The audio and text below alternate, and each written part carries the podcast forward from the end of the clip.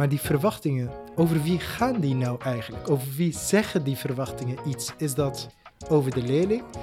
Of zegt het misschien iets meer ehm, over de leerkracht zelf?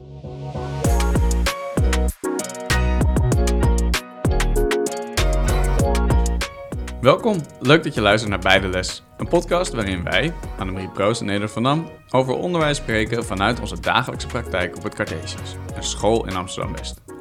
Onze missie is om onderwijs te maken dat goed en inclusief is. En met deze podcast onderzoeken we welke elementen daarvoor nodig zijn. In deze aflevering spreken we met Redouan Batouan, programmaleider bij het Leerinstituut. Hij geeft les binnen de Master Educational Needs in Tilburg in de vakken neuropsychologie en het waarderen van verschillen. En hij schreef het boek Benut het leerpotentieel van alle leerlingen en gaf als onderdeel van onze onderwijsontwikkeling een lezing op het Cartesius. In zijn boek beschrijft Redouan hoe leraren het leerproces van hun leerlingen kunnen optimaliseren, ongeacht de achtergrond of capaciteiten van de leerling. We gaan met hem in gesprek over inclusief onderwijs, hoge verwachtingen en waarom ze zo belangrijk zijn bij het bieden van goed onderwijs.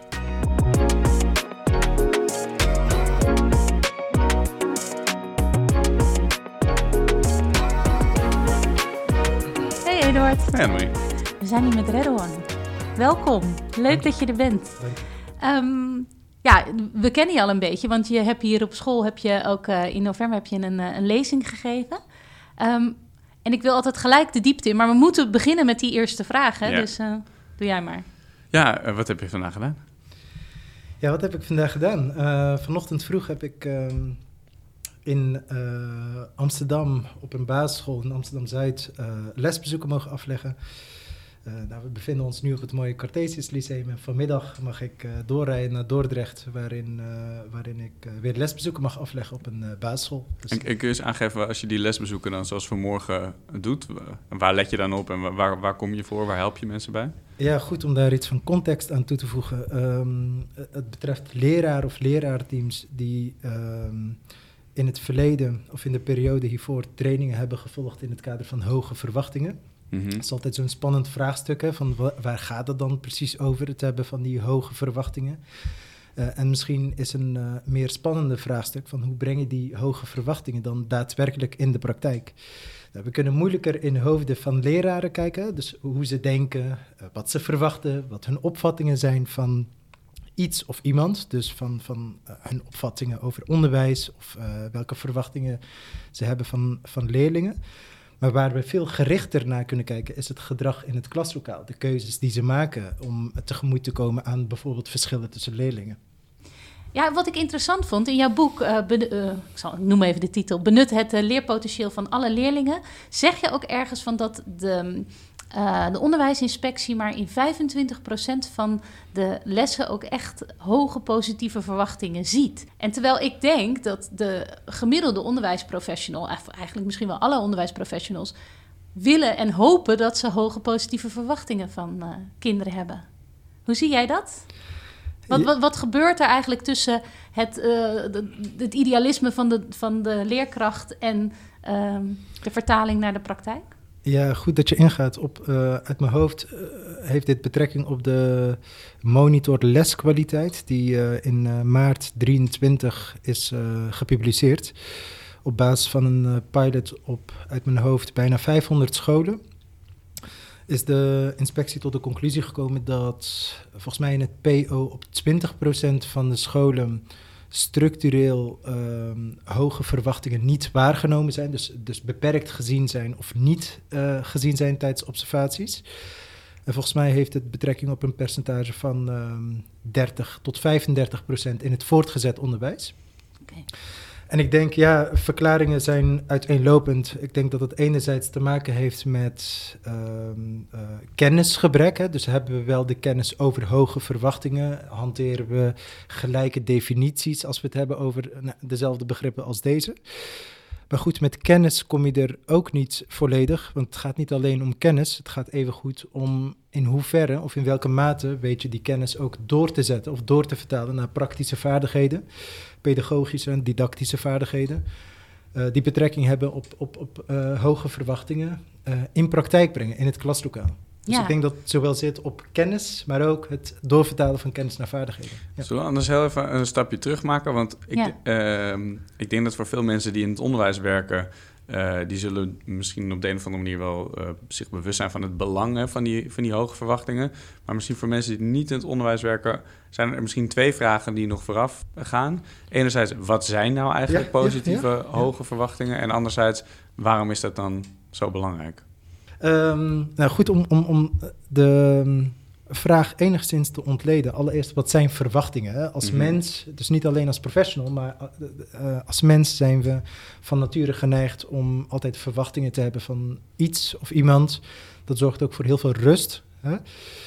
Ehm, en tegelijkertijd eh, is dit psychologische fenomeen, want dat is wat het is. Hè? Als we het hebben over hoge verwachtingen in het onderwijs, of lage verwachtingen hebben van leerlingen in het onderwijs, ehm, is dit een psychologisch fenomeen die ervoor zorgt, of die ervoor eh, kan zorgen dat leerlingen meer optimale leerprestaties eh, gaan behalen op meer nou ja, de cognitieve vakken, denken, taal, rekenen en de andere vakgebieden.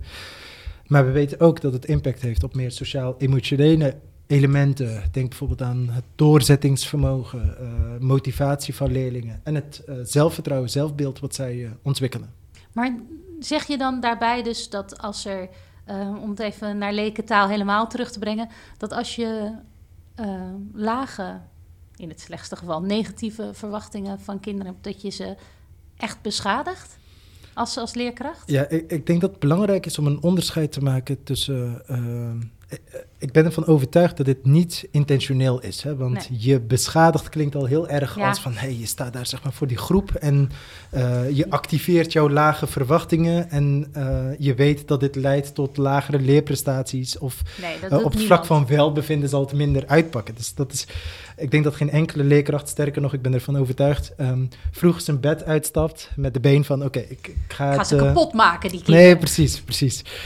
Ehm, maar waar het op neerkomt is, eh, we weten uit onderzoek, en eh, dit is in 1965 al gestart door ene Jacobson en Rosenthal, die de hypothese hadden, of de aanname hadden dat de docentverwachtingen op de school waar dit onderzoek heeft plaatsgevonden, ehm, een sterke impact heeft of veel invloed heeft op de leerprestaties van leerlingen. En om even door te pakken op, op, deze, eh, op dit hele onderzoek, wat zij concludeerden is dat leraren die... Ja, misschien, want, want je hebt, deze heb je ook, eh, ik herinner me deze uit de lezing erbij. Misschien moet je dan even dat verhaal vertellen, want dat is natuurlijk wel een verhaal wat super mooi aangeeft Ja, hoe het in de praktijk eh, werkt inderdaad ermee.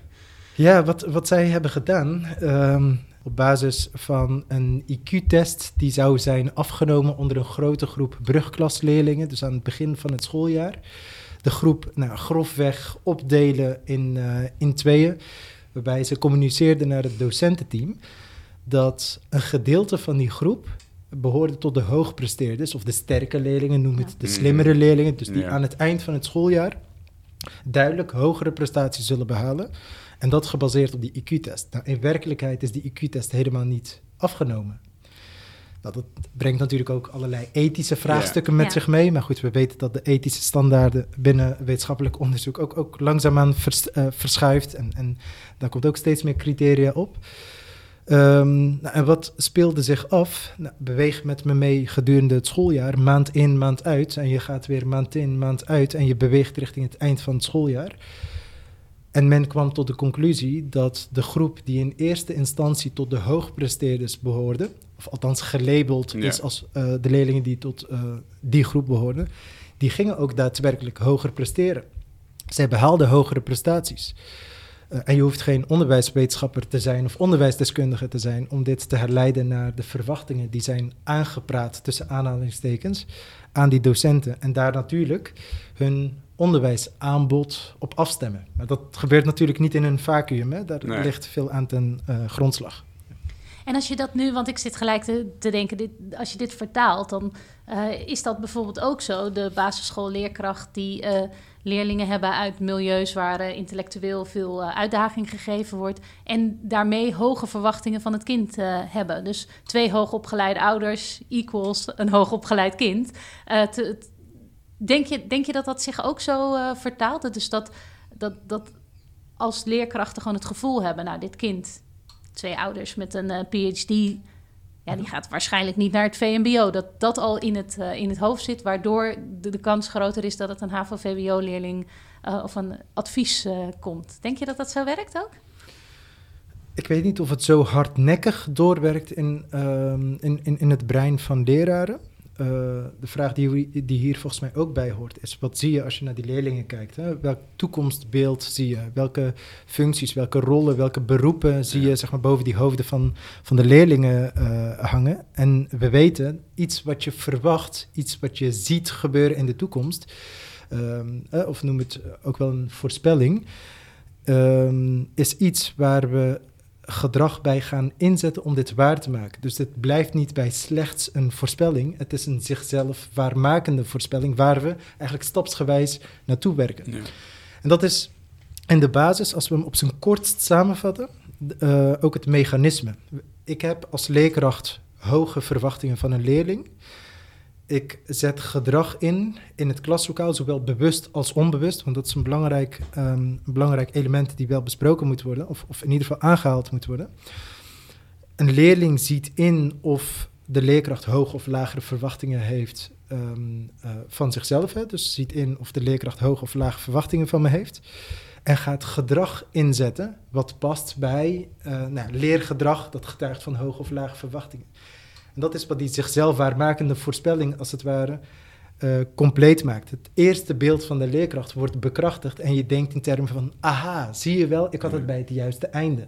Ja. Maar het is geen gok of een um, losse voorspelling die je doet. Nee, het is nee. een voorspelling die je doet, weliswaar, waar je stapsgewijs naartoe werkt. Ja, want dit, uh, dit, um, dit haalde jij ook aan uh, uh, inderdaad op de lezing bij ons, hè, dat leerlingen of kinderen eigenlijk feilloos in staat zijn om aan te voelen wat inderdaad uh, de verwachting is die uh, misschien helemaal niet uitgesproken wordt, maar die er toch is. Dus ik denk dat er veel docenten zullen zijn. En ik denk dat dat kan ook bijna niet. Je, je, ja, als je gewoon voor een klas staat, je ziet kinderen, je bent voortdurend bezig met inschattingen maken en daar spreken dan ook verwachtingen uit. En ondanks dat je, denk ik, probeert altijd positief te zijn naar je leerlingen, zijn leerlingen dus nog steeds feilloos in staat om te voelen ja. als er eigenlijk daaronder een lage verwachting zit, toch? Ja. Ja, inderdaad. Ik kan me nog goed herinneren dat we hier uh, het gesprek over hebben gevoerd en dat hier ook wel uh, vragen over werden ja. gesteld vanuit, vanuit uh, de docentengroep. en in de basis is dat positief. We weten uit de psychologie dat leerlingen um, erg sensitief zijn en aanvoelen um, welke gedachten over hen bestaan. Dan is natuurlijk altijd de vraag hoe accuraat zijn zij ja. in die juiste inschattingen. Want we kunnen wel zeggen van leerlingen voelen dat feilloos aan.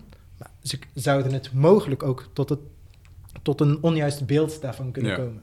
En dit heeft ook wel geleid tot, als we een sprongetje maken in, op de tijdbalken uh, van, van onderzoeken naar dit thema. Uh, in 1991 hebben uh, Babat, Bernieri en Rosenthal een experiment uitgevoerd en daarbij leerlingen nauw betrokken. een drietal doelgroepen uit mijn hoofd, 10, 12-jarige en volgens mij 16-jarige leerlingen, die hebben zij achter een computerscherm plaats laten nemen. En steeds videoclips getoond van 10 seconden, waarin ze leerkrachten met leerlingen zagen interacteren. Uh, en de vraag die de leerlingen gesteld kregen, dus die keken naar die videoclips, was van hoe denk je dat die leerkracht denkt over die leerlingen? En het waren onbekende situaties voor hen. Ja. Dus zij kenden die leraren niet, zij kenden die leerlingen niet, het waren geen vriendjes of schoolgenoten. Ja. Um, en wat bleken die leerlingen heel nauwkeurig te kunnen? Uh, dat was het inschatten van hoe die leraren dachten over die leerlingen, ook op basis van non-verbale interactie. Ja. Dus zelfs wanneer er geen geluid aan te pas kwam, geen woorden aan te pas kwam, dan waren leerlingen uh, heel sensitief in dit onderzoek met betrekking tot uh, het nauwkeurig inschatten van hoe denkt de een over de ander. En wij weten ook wel dat um, als je vrij nauwkeurig bent in het inschatten van hoe de een denkt over de ander, dus hoe twee uh, personen over elkaar denken, dan ben je nog nauwkeuriger in staat om in te schatten hoe, de, hoe een persoon over jou als individu ja. denkt. Hè? Want dat komt nog dichterbij. Ja. Um, dus ja, uh, kortom, of kort samengevat, leerlingen zijn zeer sensitief voor deze signalen. We bedoelen het altijd goed. Uh, maar onder het mom van goede bedoelingen zenden we dus ook heel veel signalen van lage verwachtingen. Ja. Nou, het is wel, ik weet niet of jullie dat nu ook hebben, maar in mijn hoofd gaan wel een aantal scenario's in mijn eigen leven, mijn eigen onderwijs. Uh... Ik ben benieuwd. Ik ben benieuwd. nou ja, nee, ik, ik denk opeens aan. Uh, ik was nogal een lastige leerling op de middelbare school. Um, een leraar die mij tijdens het schaatsen ook nog. de, die, die noemde mij historica. Je moest een woord opschrijven wat dan voor je stond. En ik dacht, hè? Ja, nou, ik was helemaal niet op de weg om ooit uh, geschiedenis te gaan studeren. Maar ik heb hem wel genoemd toen ik mijn scriptie geschiedenis uh, afsloot. Heb ik hem genoemd, omdat ik echt dacht van ja, hij, hij, door wat hij toen tegen mij zei, had hij zo'n hoge verwachting van mij en ook positief. Dat ik daarnaar, toen opeens stond er iets open dat ik dacht, oh ja, dat zou ik misschien wel kunnen doen. En dat is dus altijd bij me gebleven. En uiteindelijk heb ik het uh, uh, waargemaakt. Maar dit was in drie MAVO. Dus de kans dat je dan historica wordt, is niet heel groot natuurlijk uh, op dat moment. En ik denk daar wel aan. Zo hoor ik ook in mijn hoofd alweer een paar een, negatieve ja. verwachtingen. Heb jij, dat, heb jij wel eens een... Heb jij een leraar gehad waarvan je weet... nou, die had hele hoge positieve verwachtingen van mij? Uh, ja, zeer zeker. Ik heb, uh, het bijzondere is dus, ik, ik uh, onderwijs nu zelf binnen een opleiding waar ik zelf als student heb kunnen profiteren van dezelfde opleiding, dus binnen de ah, Master ja. Educational Needs. Um, ik heb altijd een hele nauwe band gehad met mijn afstudeerbegeleidster, mevrouw Weterings. En um, ik kan me nog heel goed herinneren dat ze me echt op de laatste dag van de opleiding na de diploma-uitreiking de zinnen meegaf. Als je denkt wat je dacht, blijf je doen wat je deed en dan krijg je wat je kreeg. Dus ze gaf eigenlijk, en op dat moment dacht ik van, wat, zegt u? Hè? wat, wat, hè? Uh, wat, moet ik hier nu mee, zeg maar? Ik heb mijn papiertje al in handen. Nee, maar um, wat ze vooral zei, was van als je ergens tegenaan loopt, of je staat voor uitdagingen, of je hebt het even moeilijk, of je staat voor een probleem, nou, allemaal andere bewoordingen voor hetzelfde dan zijn we gauw geneigd om in te zoomen op het anders doen, anders handelen, anders gedragen. Terwijl het vaak hierboven begint. Hè, met, uh, hoe denken wij nou over iets of iemand? Een bepaalde aanpak die ik heb uh, gehanteerd of een manier van denken die ik heb over, over mijn leerlingen. En uh, dat heeft ertoe geleid dat die drie zinnen, drie zinnen die heel kort, kort zijn, taalkundig, maar altijd zijn door blijven echoen of zo. Hè? Ook het werk wat ik, um, wat ik doe. Uh, dit, dit heeft ook uh, praktisch geleid tot um, eigenlijk uitspraken die ik hoorde van onderwijsprofessionals nou, op scholen. Denk bijvoorbeeld aan uitspraken als: Dit kind zit gewoon echt aan zijn max. Of ik heb wel hoge verwachtingen, maar het kind kan het gewoon niet. Of um, deze kinderen zijn wat meer leerbaar ten opzichte van andere kinderen. En continu echoden die uh, zinnen weer bij. Van hé, hey, maar als je denkt wat je dacht, blijf je ook doen wat je deed. En dan krijg je wat je uh, kreeg. Dus als ik een inspiratiebron. En je wordt altijd geïnspireerd door meer mensen. Ik ben, ik ben even goed geïnspireerd, of misschien nog wel meer geïnspireerd door, door mijn moeder. Um, uh, maar als, als ik het betrekking moet hebben op, op een docent, dan is mevrouw Beterings er echt wel eentje. Maar je zegt nu ook, denk ik, ik bedoel, het echt nu ook al in mijn hoofd door. Dus het is denk ik een hele goede om met de wereld, uh, uh, die zinnen om met de wereld te delen. Maar je zegt nu, ja, mijn moeder heeft me net zozeer geïnspireerd. En dat is natuurlijk wel mooi, want we hebben het natuurlijk over wat er in het onderwijs, het leerpotentieel. Mhm. Maar daar zijn ouders natuurlijk ook heel belangrijk in. Denk je bijvoorbeeld dat als je als leerkracht hoge positieve verwachtingen hebt van een kind, mhm. maar die worden thuis niet gevoed uh, denk je dat het dan lukt om een kind naar een hoger niveau te, of, naar, of ja, mee te nemen? Uh, absoluut. Sterker nog, uh, ik denk het niet alleen, maar we weten ook uit zeer recentelijk onderzoek van onder andere Benner, even voor de naam, voor degene die er naar ja, willen, willen opzoeken. opzoeken. Benner ja. en collega's in 2022. Die hebben eigenlijk voor het, um, voor, voor het eerst, althans, er, er is zeer beperkt onderzoek gedaan naar dit thema. Van wat is nou het effect uh, van, op het vlak van leerprestaties als we kinderen vergelijken die opgroeien binnen gezinnen met een bijvoorbeeld wat hogere sociaal-economische status, die wat meer ondersteund worden, um, die, die wat meer rugdekking krijgen ook vanuit huis, ten opzichte van leerlingen, waarin dat in veel mindere mate het geval is, of misschien wel helemaal niet. En zij zijn tot de conclusie gekomen dat het effect op leerprestaties, maar ook op een aantal sociaal-emotionele elementen, groter is dan bij leerlingen die het eigenlijk als vanzelfsprekend meekrijgen. Want beeld je over, ook even in, hè, en dat blijft ontzettend complex, maar ook, ook goed voor de luisteraar natuurlijk. Beeld je even in dat jij die leerling bent die thuis opgroeit en je hebt door papa en mama of papa of mama heeft lage verwachtingen van mij. En we hebben net gezegd, leerlingen zijn sensitief, kinderen zijn Mm. sensitief voor die signalen. Nou, en je beweegt je naar school, je fietst naar school, je pakt de metro of je loopt naar school. En je hebt door, hey, ook op school bestaan er structureel lage verwachtingen van mij. Dan weten we dat het ehm, eigenlijk al in te vullen is dat zo'n leerling een zelfbeeld gaat vormen waarin hij of zij lage verwachtingen van zichzelf eh, gaat hebben. En het blijft natuurlijk niet bij dat psychologische aspect. Dus ook het gedrag gaat inzetten wat logisch verklaarbaar is of logisch volgt uit, nou ja, eh, ik heb lagere verwachtingen van, me, van mezelf. Dat gedrag is niet altijd wenselijk, eh, maar het is belangrijk dat we ook zo- zoeken naar die Ja. verklaringen. Dus wat, wat, wat, eh, Ja, wat wat zit er triggert nou het? het onder, onder, ehm, onder dat water? Hè? Dus ni- niet wat zien we bo- alleen boven water, maar wat zien we ehm, als we de diepte ingaan? Als we de, de ijsschots die eronder... exact, ja, exact. En, en waar, waar botsen we dan tegenaan? Ja. Nou ja, ik denk dat als je op de gemiddelde school een, eh, gedurende een lesuur eh, bijvoorbeeld een aantal kinderen op de gang ziet staan, of nou ja, in ieder geval die even buitengesloten zijn, ik denk dat heel veel van die kinderen een negatief zelfbeeld hebben.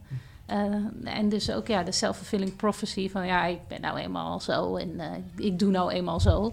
Dat, dat dat echt wel, ja, dat je dat zichtbaar ziet en als je daar heel anders mee omgaat, dat je dan misschien ook ander gedrag krijgt. Maar dat is best Ja. moeilijk. Nou ja, ja. En, eh, want als we dan nu even de, de, de vertaalslag... Ik denk dat je heel helder hebt uitgelegd...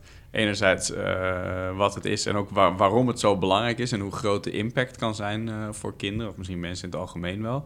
Ehm, maar hoe doe ik dat nou? Of als ik voor de klas sta... maar misschien ook inderdaad wel aan, aan de keukentafel met mijn eigen kinderen... hoe zorg ik nou dat ik hoge positieve verwachtingen heb? Want ik denk dat een angst die misschien er ook wel kan zijn... is dat ik ja, als ik altijd maar tegen een kind zeg, ja, je kan het, je kan het, je kan het, ja, niet iedereen kan alles, ja, dan ben ik ook niet goed bezig. Dus het is, het is best wel lastig om echt op het juiste, het juiste te verwachten, zeg maar. En ik leef me nu even in in de luisteraar, want we hebben het steeds over die hoge positieve verwachtingen. Wat zijn hoge negatieve verwachtingen? Of eh, nee, andersom. Eh, nou, nu ben ik helemaal in de war. Eh, in ieder geval dat je wel hoge verwachtingen hebt, maar dat het negatief is voor de, voor de Ja, leerling. ja, Wat is goeie dat? Vraag, goeie vraag.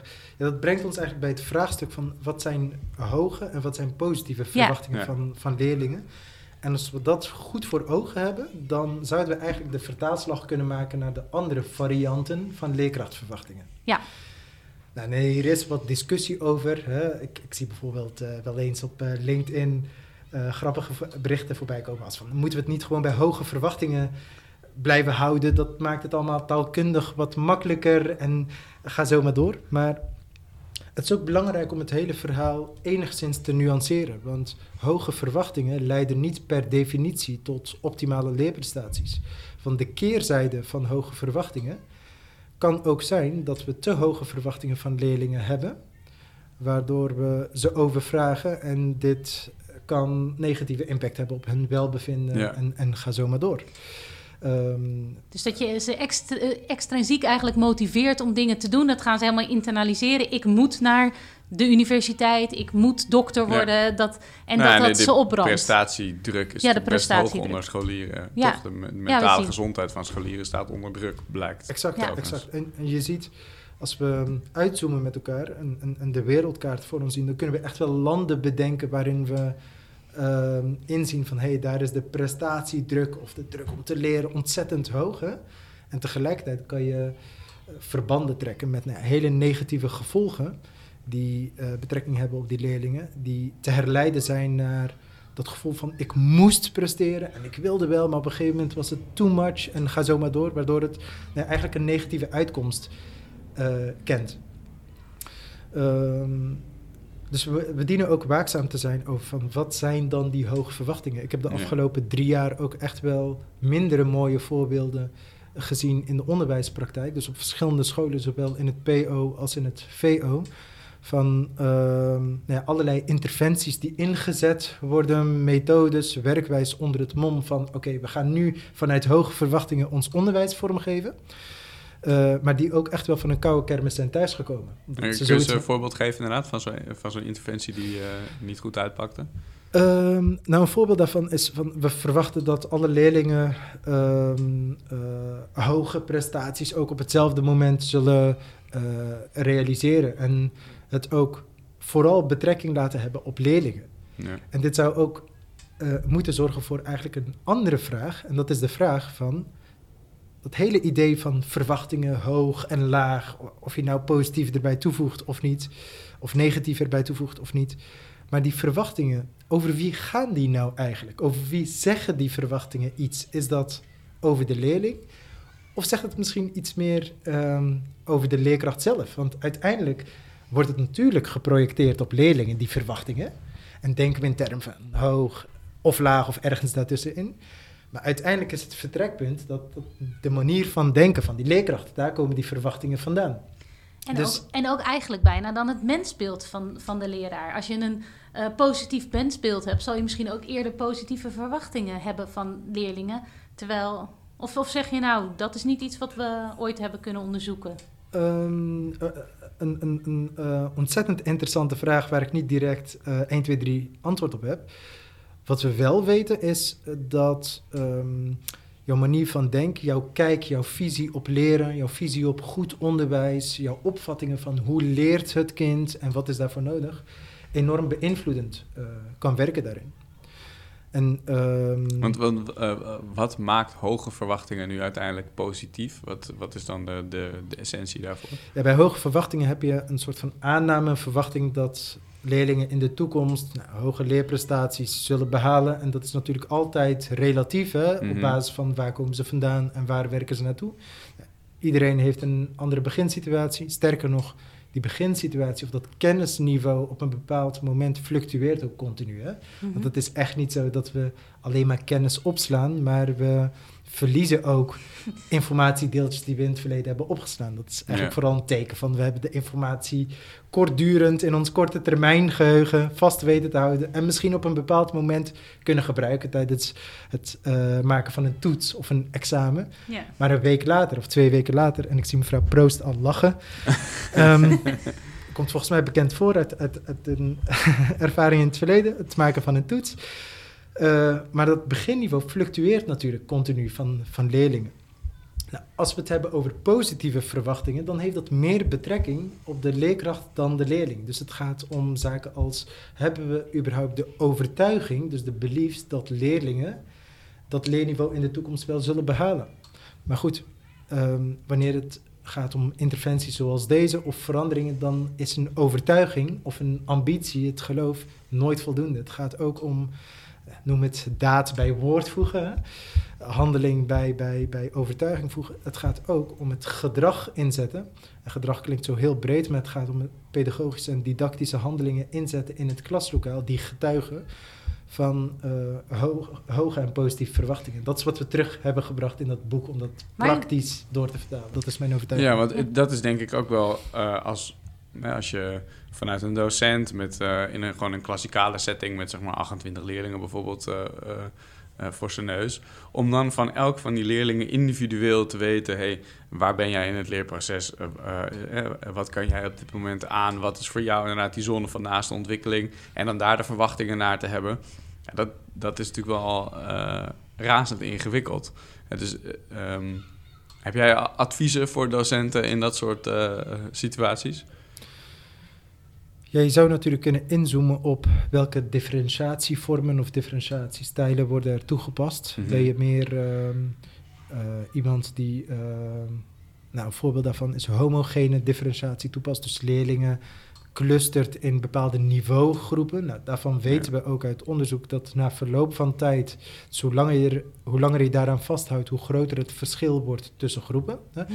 Even los van of dat wenselijk is of onwenselijk is, maar dat je op zijn minst weet wat het gevolg is van een bepaalde differentiatiestijl die je hanteert. Nou, je zou kunnen kiezen voor de uh, vorm van heterogene of flexibele uh, differentiatie, waarin je leerlingen zoveel mogelijk probeert aan te zetten in ehm, in groepjes dat ze nou ja, ook profiteren van elkaars kennis en kunde. Dus leerlingen Mhm. ook met verschillende niveauverschillen. Dat vraagt natuurlijk ook om andere skills, andere vaardigheden bij leerlingen. Want het lijkt me ook complexer voor leerlingen met een verschillend niveau om effectief samen te werken. Dus verwacht daarin niet dat die positieve impact direct zal ontstaan de volgende dag of op de dag zelf. Hè. Dat is altijd Mm. volgens mij iets van de lange adem. Wat we wel weten, en dan geef ik even een voorbeeld uit het primair onderwijs, en dan komen we zo meteen bij het eh, voortgezet onderwijs, is dat leerlingen die, we kennen allemaal de zon, ster en maangroepjes, Ja? Ja, ja. dat leerlingen die voor het vak rekenen in groep 3, en dat is vrij vroeg, al in een stergroepje worden geplaatst, vaak vier, vijf jaar later, hè, dus in groep 7, 8, nog steeds, althans de overgro- het overgrote deel van die leerlingen, nog steeds in een stergroepje zitten. Het is alsof leerlingen in een soort van schoolbak worden geplaatst en Ja. daar moeilijk uitkomen. Uitzonderingen daar gelaten. Je hebt altijd Ja. leerlingen die eh, als een soort van uitzondering op de regel zichzelf daaruit vechten tussen Ja. aanhalingstekens. Op basis van nou ja, meer buitenschoolse eh, vormen van injecties die ze toegedi- eh, toegediend krijgen. Denk aan bijles, huiswerkbegeleiding en ga zo maar door. Ehm, eh, en en dat, zijn, dat zijn wel de mechanismen of nou ja, oorzaak-gevolgen waar we eh, oog voor moeten hebben als we differentiëren in dit geval. Ja.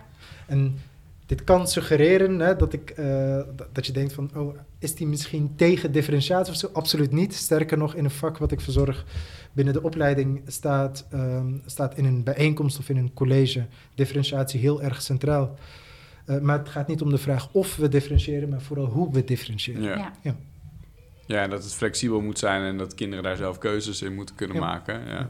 Ja, en dat bijvoorbeeld het formatieve leren daar een heel belangrijke tool in kan zijn. Als je gewoon echt kijkt op leerdoelen en dan gewoon zegt: hé, hey, deze, eh, deze vijf eh, moeten nog even met dat leerdoel aan de slag.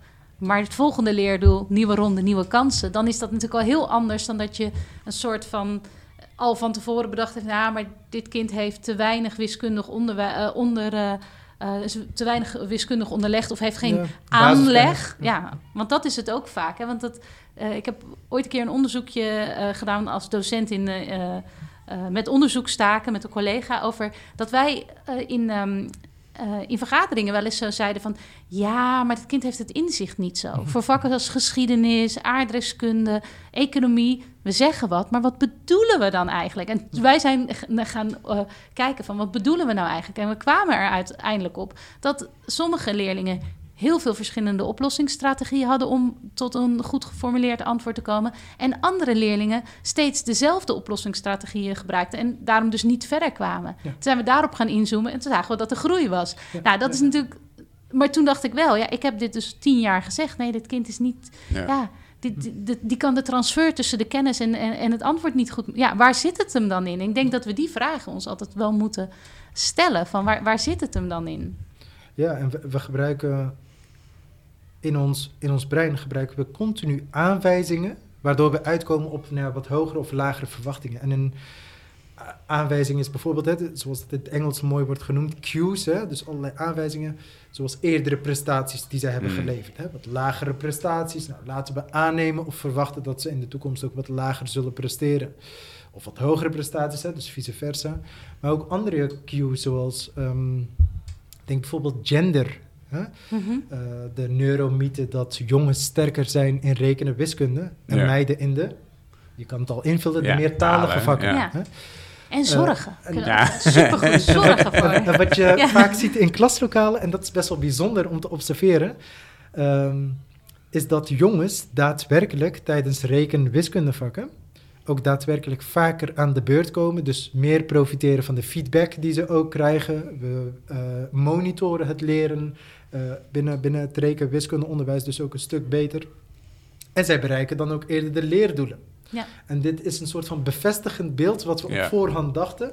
En het mechanisme speelt zich soortgelijk, of nou ja, misschien wel identiek bij meiden eh, en, en de talige vakken. Maar het is die neuromythe, dat is ook weer een gedachte, Ja. een aanname, die ervoor zorgt dat we bepaald gedrag inzetten. Dus wie geef ik de beurt, hoe vaak geef ik Ja. de beurt.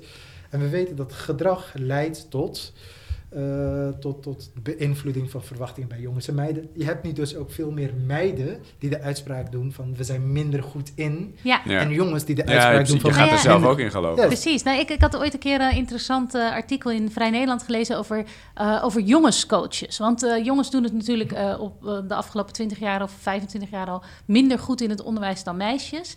En eh, nou, dan zie je allerlei gedrag wat daarbij hoort. En eh, voor, volgens sommigen moet je dan dus coachen op jongens, eh, op masculine eh, dingen als opdrukken of weet ik veel wat.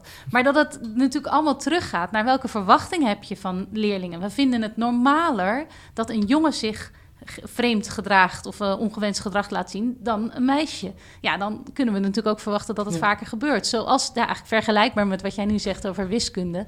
Dat, dat, dat zijn natuurlijk Ja. dat het altijd terugkomt naar echt de basis van wat onderwijs eh, zou moeten zijn. En je hoeft niet een jongenscoach. Kinderen moeten gewoon goed onderwijs krijgen. En, en hetzelfde geldt voor eh, de, de, de, de aanwijzing broers-zusjes. Als je als voorbeeld vier jaar geleden een ontzettend vervelende broer van een leerling in de klas hebt gehad, die je aan het begin van dit jaar zou krijgen. Ja. Dus je krijgt nu het broertje of het zusje in de klas. Dan heb je al gauw wellicht de gedachte van, hm, ik hoop niet Nou ja. dat dat in de genen zit Ja. of zo. Ik hoop niet dat Ah, het daar heb je er weer is. eentje van, nou ja, Ja, die dan- familie. we hebben- Ja. Exact. We hebben er weer zo een. Ja. Ja. Of, of op naam. Hè. We hebben ehm, hoogleraar Adi Denissen die, die het werk heeft geschreven. Het maakt uit of je Florentine of Oh ja. Destiny heet. Ja.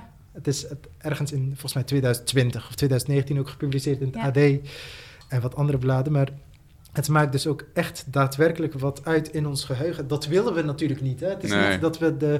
Nee, maar dit zijn eigenlijk allemaal hele ongemakkelijke waarheden. En ik Ja. denk ook wel, als ik gewoon terugdenk aan mijn, eh, mijn alle lessen die ik zelf heb gegeven. Nou, bijvoorbeeld het voorbeeld wat je net hebt gegeven van eh, eh, broertje van. Ja. Ja, de- ik weet 100%, daar heb ik mij ook schuldig aan gemaakt. En ik heb het misschien niet uitgesproken en misschien ook wel. Maar dat, het, het is best confronterend als je dat zo van jezelf gaat zien. Op welke manieren je... Ja. ehm, En, en natuurlijk ook andersom. Dus een, eh, eh, wij hebben hier op school eh, een hele reeks eh, eh, van eh, één familie gehad, waarvan de, de oudste ontzettende leergierige jongen was, die zich helemaal uit, zich milieu, uit, zijn milieu heeft eh, ontworsteld. Eh, ja, en dat heeft natuurlijk ook heel veel invloed gehad op, zijn, eh, op de kinderen die na hem kwamen. Dus die, die hebben, wat, denk ik, positievere verwachtingen eh, ten Ja. opzichte van... eh, ja, dat, dat, dat werkt natuurlijk ook mee. Besmettelijk op een positieve wijze. Ja. precies. En misschien eh, ehm, ter afronding, heb jij nog een, soort eh, gouden tip of advies voor mensen in het onderwijs, maar misschien inderdaad ook wel voor ouders met hun eigen kinderen? Hoe kan je nou op een goede manier van dag tot dag uiting geven en, eh, eh, ja, van positieve hoge verwachtingen? Ja, ik denk dat het voor schoolteams allereerst belangrijk is ehm, om te beseffen dat het hebben van hoge en positieve verwachtingen niet alleen gereduceerd kan worden tot hoe denkt of hoe handelt de leraar richting de leerling. Of hoe denkt de leraar over de leerling of hoe handelt de leerkracht eh, voor de leerling om tegemoet te komen aan nou ja, dat hele leerproces. Maar hoge verwachtingen gaat even goed over wat verwachten wij van elkaar. Hebben wij eh, hoge verwachtingen eh, naar elkaar toe? Ehm, hoe denkt de teamleider of de directeur over zijn of haar personeel, om het zo maar even Mhm. te noemen. Niet dat ik hiërarchisch denk, maar ehm, hebben we het geloof, hebben we de overtuiging dat alle leraren ook leerbaar zijn en vormbaar zijn om te komen tot kwalitatiever Mm. uitvoeren van onderwijs. Dus het is een vraagstuk die zich op verschillende niveaus. ehm, eh, ge- eh, het is een vraagstuk die op verschillende niveaus gesteld kan worden. Maar ook, ehm, wat kunnen we met ouders, of wat kunnen we met ouders doen die misschien wel hoge en positieve verwachtingen willen hebben van hun kind, maar niet direct weten of inzien hoe zij dat vorm kunnen geven eh, thuis. Ook wanneer ze bijvoorbeeld hun kind moeten eh, helpen of willen helpen bij het berekenen van de stelling van Pythagoras. Nou, dat trucje al lang vergeten zijn. Hè?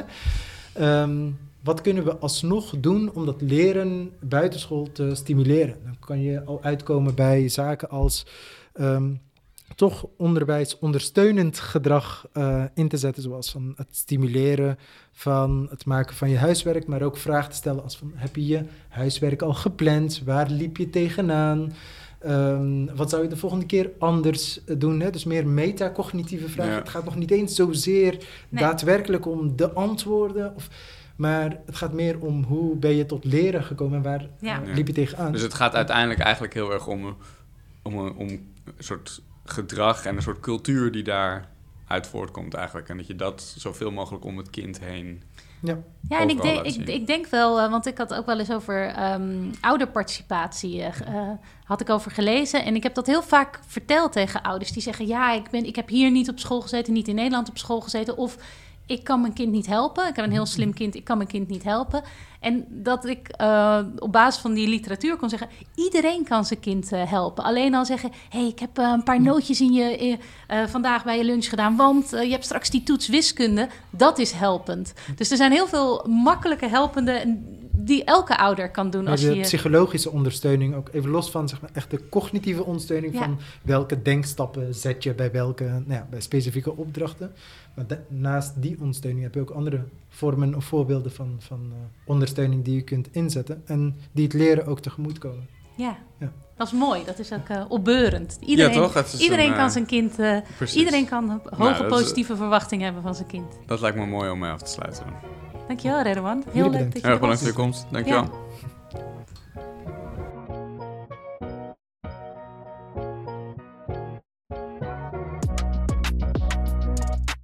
Vind je dit een leuke podcast? Nou, dan kan je ons bijvoorbeeld sterren geven. Ja. Of een recensie achterlaten. Of een eh, berichtje sturen op podcast.cartesius.esprietscholen.nl Ja. Of gewoon natuurlijk eh, delen in je netwerk. In de nieuwsbrief van je school. Ja, waarom niet? Waarom niet? Kan gewoon. Heb je ideeën, tips, suggesties? Gasten, Laat het ons weten. we horen het graag. Tot de volgende. Tot de volgende.